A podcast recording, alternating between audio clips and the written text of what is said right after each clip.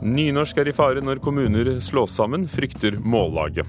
Det er krangel om hvem som skal ta regninger for eh, restaureringen av Nord-Europas største kirkeorgel i Nidarosdomen. Menigheten må nå ut på tiggerferd. Og Siri Hustvedt har skrevet sin beste og mest originale roman hittil, sier vår kritiker Marta Norheim. Og det får du høre her i Kulturnytt i Nyhetsmorgen i NRK. Med Ugo Fermariello i studio. Kommunesammenslåing vil svekke nynorsken. Det frykter Noregs Mållag. Regjeringen vil ha færre og større kommuner i Norge. Det vil føre til at små nynorskkommuner blir slukt av store bokmålskommuner, tror Mållaget. Bokmål. Det hører hjemme her. Men vi leser jo bokmål, så hvorfor ikke? Nei, det bør være bokmål. Ja, Da kan du like godt flette inn både nordlandsk og alle mulige dialekter, da. Hvis du skal begynne med nynorsk òg. Folk på gata i bokmålskommunen Stavanger er ikke videre interessert i å bytte målform.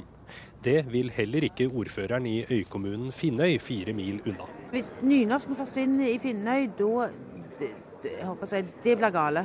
Men innbyggerne i de to kommunene må kanskje bli enige om de skal bruke nynorsk eller bokmål. For regjeringen ønsker seg færre og større kommuner i Norge. For nynorskkommunen Finnøy i Rogaland med drøye 3000 innbyggere, kan det bety sammenslåing med bokmålskommuner eller språknøytrale nabokommuner.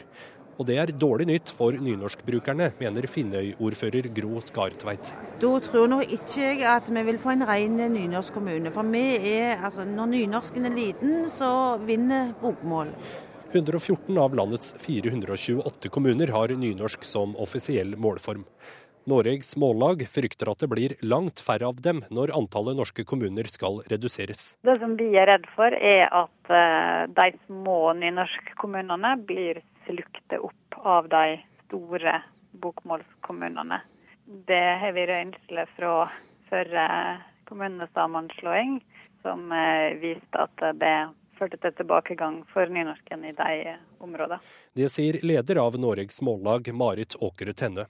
Hun mener nynorsken må tas hensyn til når det nye norgeskartet skal tegnes opp. Nynorskkommunene sin skriftproduksjon betyr ganske mye for eh, de som bor i disse kommunene, at de ser språket sitt og leser språket sitt. Så mindre nynorsk eh, fører jo bare til at det blir lest og sett mindre nynorsk. Og da blir det jo vanskeligere for folk å holde på nynorsken. Kommunal- og moderniseringsdepartementet vil ikke gi noe intervju om denne saken, men statssekretær Jardar Jensen skriver i en e-post at kommunene selv kan finne språkpolitiske løsninger ved en eventuell sammenslåing. For Gro Skartveit er det vanskelig å se for seg Finnøy som bokmålskommune. Tar du vekk nynorsken og bytter ut med bokmål, så er det noe som Du er ikke helt heil. Det er noe som ikke stemmer. Så det er en viktig del av identiteten òg, dette. Og kulturen, språket, altså, vel, og tilhørigheten. Så det er mye. Og reporter her var Halvor Haugen.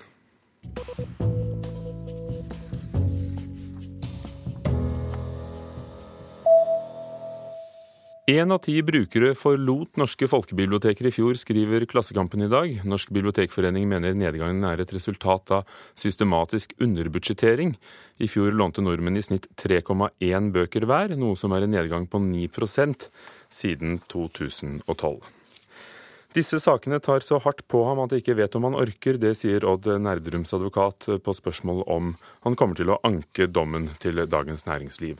Kunstneren tapte i går saken mot Skatt Øst i Borgarting lagmannsrett.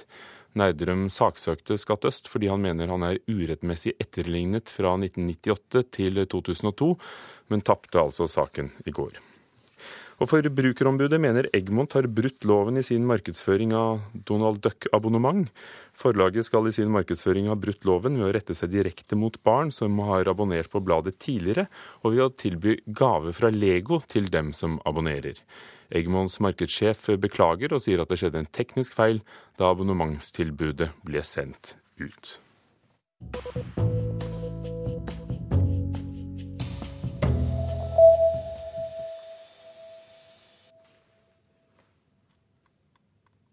Mange mediebedrifter redigerer kommentarfeltene strengere og krever at innsenderne identifiserer seg. I en ny doktorgradsavhandling har Caroline Andrea Ilebekk undersøkt hva som skjer når redaksjonene holder øye med debattene, i motsetning til tidligere. Sånn at I begynnelsen, når man begynte med f.eks. åpne debattforum eh, og kommentarfelt, så ønsket man at de skulle være så åpne som mulig. At det skulle være høyt under taket, det skulle være lav terskel for å delta. Jan Erik Smilden er en av seniorjournalistene i Dagbladet som holder øye med nettdebattene. Avisen er en av få som tillater at debattantene er anonyme. Skal vi se, her har vi en. Enda en artikkel som omhandler hvor dårlig vi behandler personer med utenlandsk opprinnelse. Da er det kanskje på tide å stenge grensene. Og da svarer jeg det går ikke an å stenge nasjonale grenser i 2014, i hvert fall ikke hvis man skal fortsette å være et demokratisk land. Balansekunst heter doktoravhandlingen til Caroline Andrea Ilebekk. Nettdebatten skulle ideelt sett ha takhøyde og bredde, noe mediebedriftene mente var sunt både for økonomi og demokrati, sier medieforskeren. Det ses på som demokratiserende at flere eh, kommer til orde.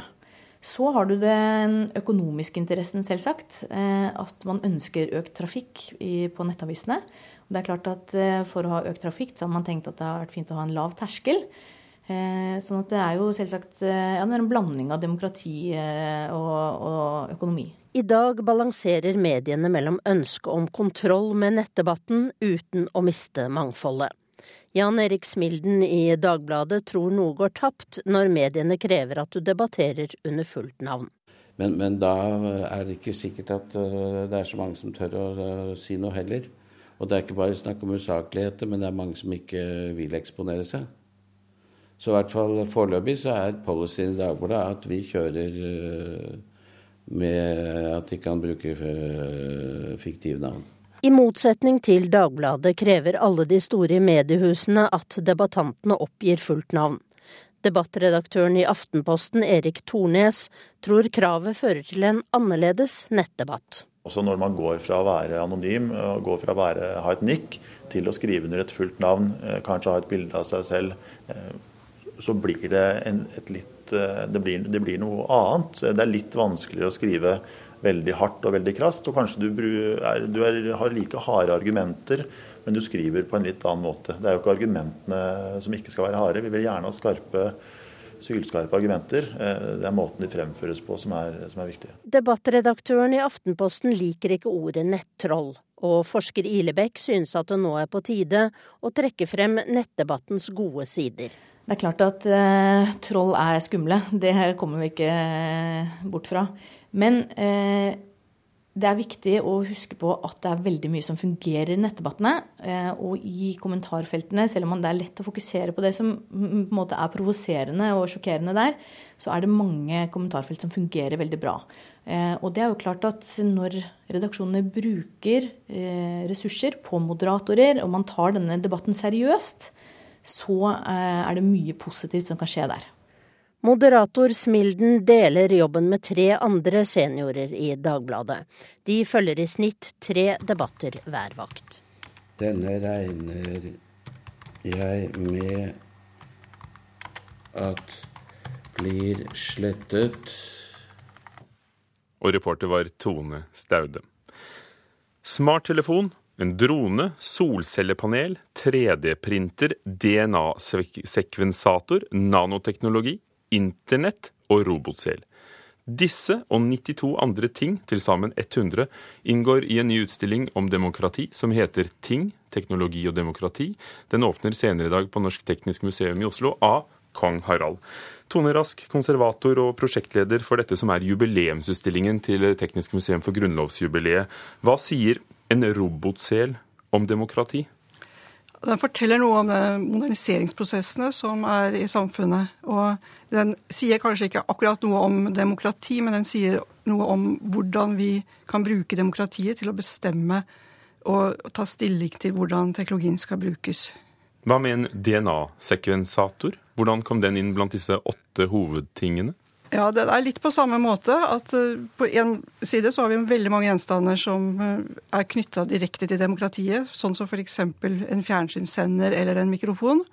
Og der er det eh, en måte som ved hjelp av teknologien at man kommer ut i demokratiet. Men samtidig så skal også demokratiet bety noe for teknologien. Så vi har tatt for oss åtte gjenstander som er ganske nye teknologi, teknologier, og disse eh, ønsker vi å diskutere med publikum, og vi ønsker at publikum skal ta stilling til det og bli bevisst i den ja, demokratiske prosessen som pågår rundt disse.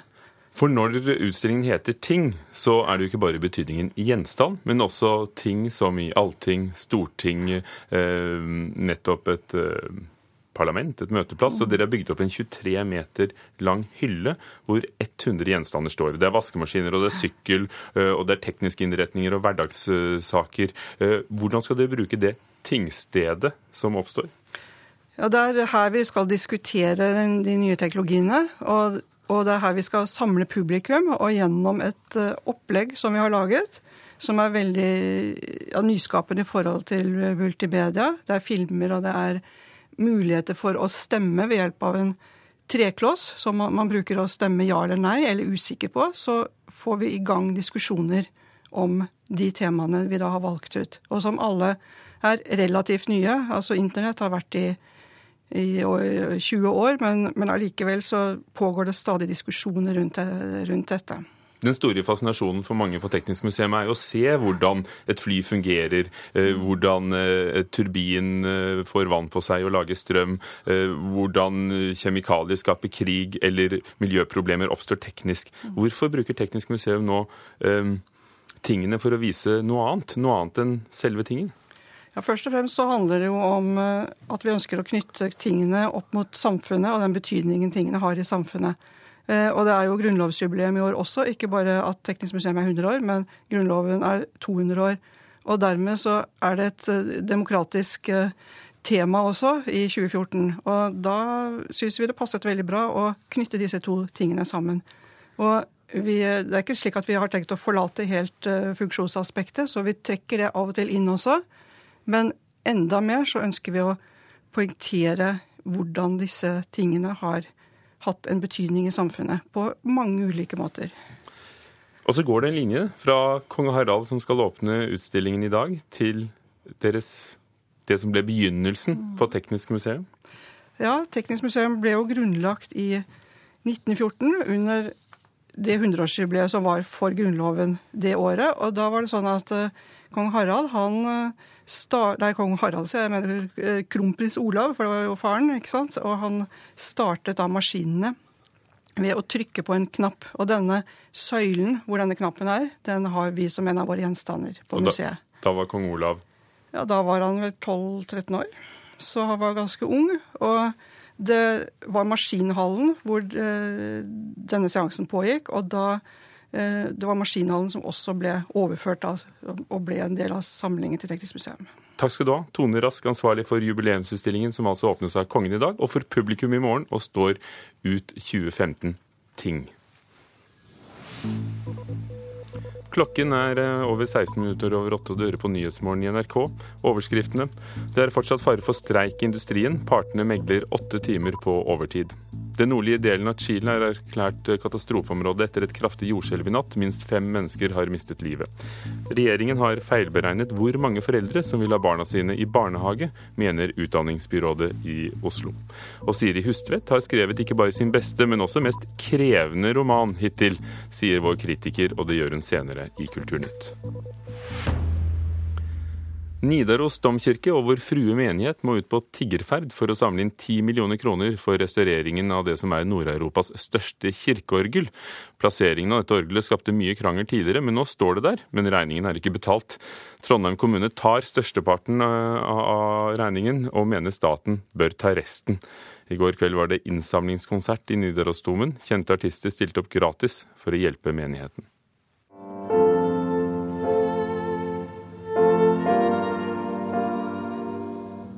Foran høyalteret i Nidarosdomen står Arve Tellefsen.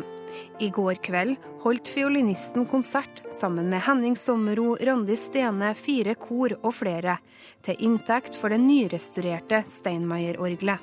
Nei, jeg syns det er en viktig sak, da. Sånn musikalsk eh, er det jo fantastisk at de får det eh, store orgelet i orden. Så vi kan jo gjøre det lille vi kan alle sammen, da. Og Mitt bidrag er ikke noe stort, men jeg er nå med, da. Hjernen bak konserten er innsamlingsleder Bea Levine Hom, som frivillig har tatt på seg ansvaret for å samle inn ti millioner kroner. For Nidaros domkirke og Vår Frue menighet er på tiggerferd. Menigheten må sjøl betale deler av restaureringa av Nord-Europas største kirkeorgel. Men Bea er litt usikker på om de klarer det. Målet er jo at de ti millioner skal komme inn, men om de kommer inn eh, med bare folkeaksjonen, eller om det også øh, noen offentlige penger som vil komme i tillegg til det, det gjenstår å se. Restaureringa av Steinmeier-orgelet starta i 2013, og spørsmålet om hvem som skal ta regninga, er fortsatt uavklart. Trondheim kommune har betalt 43 av 53 millioner, men for at restaureringa skulle bli realisert, måtte menigheten gå med på å stå ansvarlig for de siste ti millionene. Kommunalråd i Arbeiderpartiet i Trondheim, Geir Våge, mener at de ikke har sendt ut menigheten på tiggerferd, men at det er staten som ikke har tatt ansvar. Her snakker vi om eh, nasjonalhelligdommen. Vi snakker om noe som er staten sitt ansvar. Til tross for det så har kommunen valgt, inn, valgt å gå inn og ta store deler av kostnadene nettopp for å få på plass Steinmeierorgelet til 200-årsjubileet i mai i år. Eh, og når vi har tatt en så stor del av kostnadene, så er det urimelig at menigheter skal bli sittende igjen alene med resten av regninga. Derfor må Høyre holde valgløftet sitt og sørge for at staten bidrar med de siste millionene. Strengt tatt er det økonomiske ansvaret for orgelet Trondheim kommunes. Det sier Knut Olav Åmås, statssekretær i Kulturdepartementet. Og ifølge Åmås kommer det ikke 10 millioner kroner fra Kulturdepartementet i år. Jeg skal ha møte med representanter for de som driver innsamlingsaksjoner for orgelet nå på mandag. Så vi eh, følger med saken. Når det gjelder eh, spørsmål om eventuell eh, ytterligere statlig finansiering, så, så er det altså et budsjettspørsmål som uh, vi må komme tilbake til.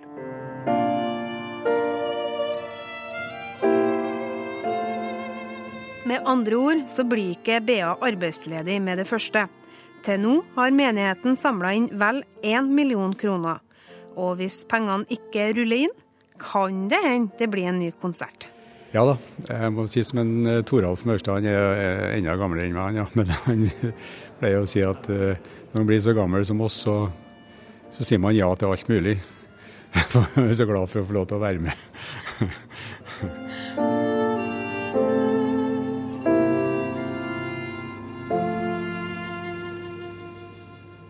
Sa Arve Tellefsen til vår reporter Kaja Kristines, og Steinmeier-orgelet skal stå ferdig til grunnlovsjubileet, er planen.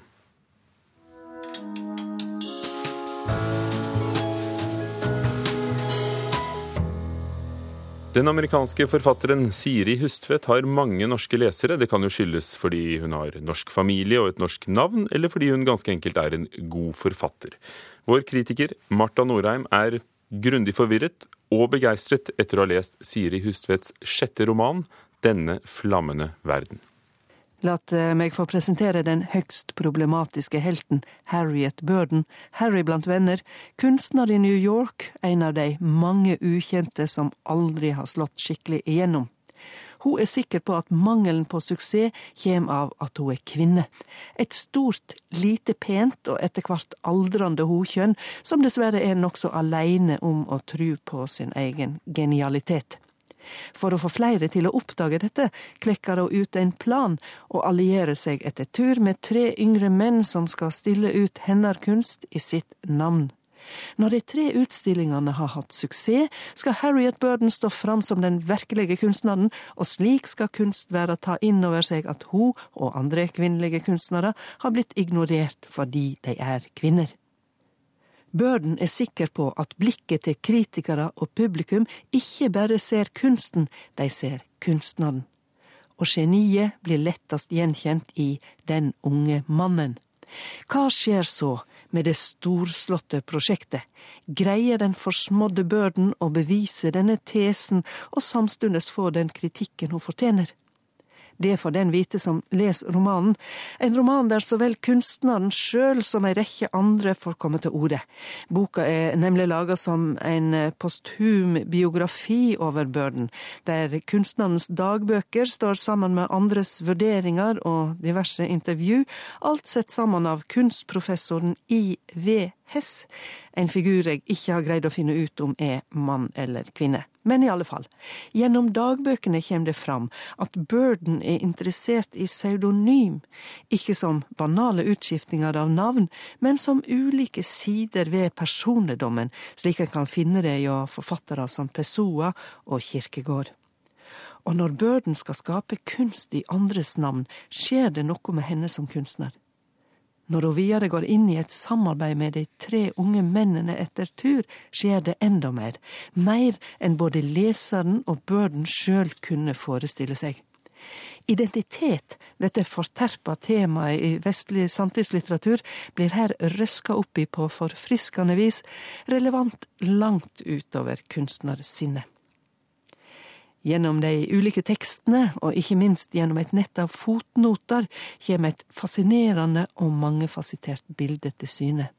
Av ei kvinne som noen ignorerer, andre ser på som gal, mens atter andre beundrer og elsker. Av et kunstnerskap som får svært ulike vurderinger. Av en kunstscene som jakter etter originalitet i flokk. Og av livet til en uensarta gjeng av venner, slekt og kunstnere. Var så Harriet Burden en genial, miskjent kunstner? Det kan jeg ikke si.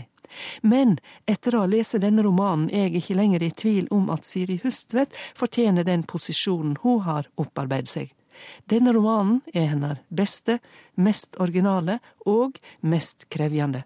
Og det med god margin, spør du meg sa vår kritiker Marta Norheim om Siri Hustvedts eh, nyeste roman 'Denne flammende verden', som er oversatt til norsk av Bodil Engen. Å filme seg selv kan ha en terapeutisk virkning. Det hevder forskere i Tromsø, som i en ny studie har latt ungdom som har det vanskelig, filme hverdagen sin. Filmene har gitt en god effekt, og forskerne mener det i fremtiden vil bli mer bruk av film og andre kreative metoder i psykiatrien. Det her er såkalt surfing. Jeg var jo en ungdom som var litt, litt ute på skråplan, egentlig. Det var eh, veldig mye mobba. Utstøtt fra de vennene som jeg hadde hatt lengst. Uh, ute og finne nye vennekretser, ikke sant. Og var med en del eh, mennesker som kanskje karakteriseres som litt shady. 15 år gamle Kristoffer ble en av verstingene på skolen. I dag er han 21 år og lærling i barne- og ungdomsarbeid. Det skjedde noe på veien. Det kan ha vært tilfeldig, og det kan ha vært prosjektet Ungdomsblikk. Filma hverdagen min. Det bidro litt til å hjelpe meg til å se litt hva er det egentlig jeg gjør. Det gjelder på en måte i sjølinnsikt også du, ser deg sjøl i tredje perspektiv, på en måte, og tenker at OK, det her har han på filmen gjort i dag. Det var veldig spesielt. Filmene er jo veldig sterke, eh, og det slår meg hver gang jeg ser dem, så sitter man nesten med tårer i øynene og går og summer på innholdet i filmen lang tid etterpå. Det er veldig sterke uttrykk. Katarina Wang er psykologspesialist ved UiT, Norges arktiske universitet. Hun er en av dem som siden 2005 har jobba med prosjektet Ungdomsblikk, et samarbeid mellom Institutt for psykologi og visuelle kulturstudier. Nå viser forskning at filmene som har blitt laga, har gitt positiv effekt for ungdom som har deltatt. En viktig del tror jeg er at man har fokus på ressurser. Eh, at man eh, ikke snakker om det som er vanskelig, og hva er risikoutsatte ungdom. Enten er det atferdsproblematikk, som er barnevern, eller så er det psykisk problematikk. Og så får de et tilbud ut ifra hvor de havner i disse kategoriene. Men det Ungdomsblikk gjør, er på en måte å se bort fra disse kategoriene og, og se på ressurssiden. Og de får, er på en måte herre i sitt eget hus og får får lov å fortelle en historie. Det omtales veldig ofte som ungdomsproblemer, en stor sånn sekkekategori. Men det som jeg tenkte og som vi diskuterte oss fram til, er jo at veldig mange av de problemene har opprinnelse i kommunikasjon. Altså Av en eller annen grunn så blir det vanskelig å snakke om ting. Sier antropolog Trond Våge, som hadde ideen til prosjektet. Han har bl.a. jobba på samme måte med gateungdom i Kamerun, og har erfart at å lage film om eget liv gir en unik mulighet til kommunikasjon. Og vi som forskere får et eh, fantastisk sånn mulighet til å få innsikt i hva de her unge folkene sliter med og styrer med. Og så skjer det også noe eh, med de her unge menneskene sjøl. Dette er opptak. Jeg har jo vært opptatt av å søke å forstå hvordan disse ungdommene definerer seg sjøl. Og det som jeg har funnet, er jo mye at de, de, ser veldig ulike potensialer i dette filmkurset og denne muligheten til å lage film. Siren Hope jobber med en doktorgrad om ungdomsblikk. Gjennom tett arbeid med sosialarbeidere og helsearbeidere har hun fått ungdom både i Troms, Finnmark og Rogaland inn i prosjektet. Deriblant Kristoffer. Det var også litt godt å vite på en måte at det var noen voksne som, eh, som hadde lyst til å ha kontakt med meg. For det var ikke sånn det føltes på, på skole. Da var det liksom det at åh, der var han der igjen, liksom. Og det var kanskje en av skolen sine verstinger, på en måte. Og at det var noen som var interessert i dine tanker og dine ideer rundt ting. Det var noe jeg aldri har vært borti før. Filmprosjektet har gitt ungdommen et redskap til å beskrive, og nå skal det videreføres også til ungdom med medisinske uforklarlige lidelser. Og i Tromsø mener forskningsmiljøet at kreative metoder vil få mer plass i både psykiatri og somatikk i framtida. Vi vet ikke om noen i Norge som har gjort dette her, eh, men Australia er ganske langt fremme på bruk av visuelle metoder. Men ikke akkurat denne modellen. Det er nok noe som vil komme mer og mer, vil jeg tro, også i forhold til at film brukes mye mer. Og det er helt opplagt når vi vet hvor mye ungdom bruker det sjøl. Og reporter om eh, studien fra, Norge, fra Universitetet i Tromsø var Hege Irén Hansen. I Kulturnytt har vi hørt at Norges Noregs Mållag frykter for nynorsk i kommunene hvis små kommuner slås sammen med store. Teknisk ansvarlig for sendingen Lars Tronsmoen, produsent Vidar Sem, programleder Ugo Fermariello. Nå fortsetter straks Nyhetsmål her i NRK.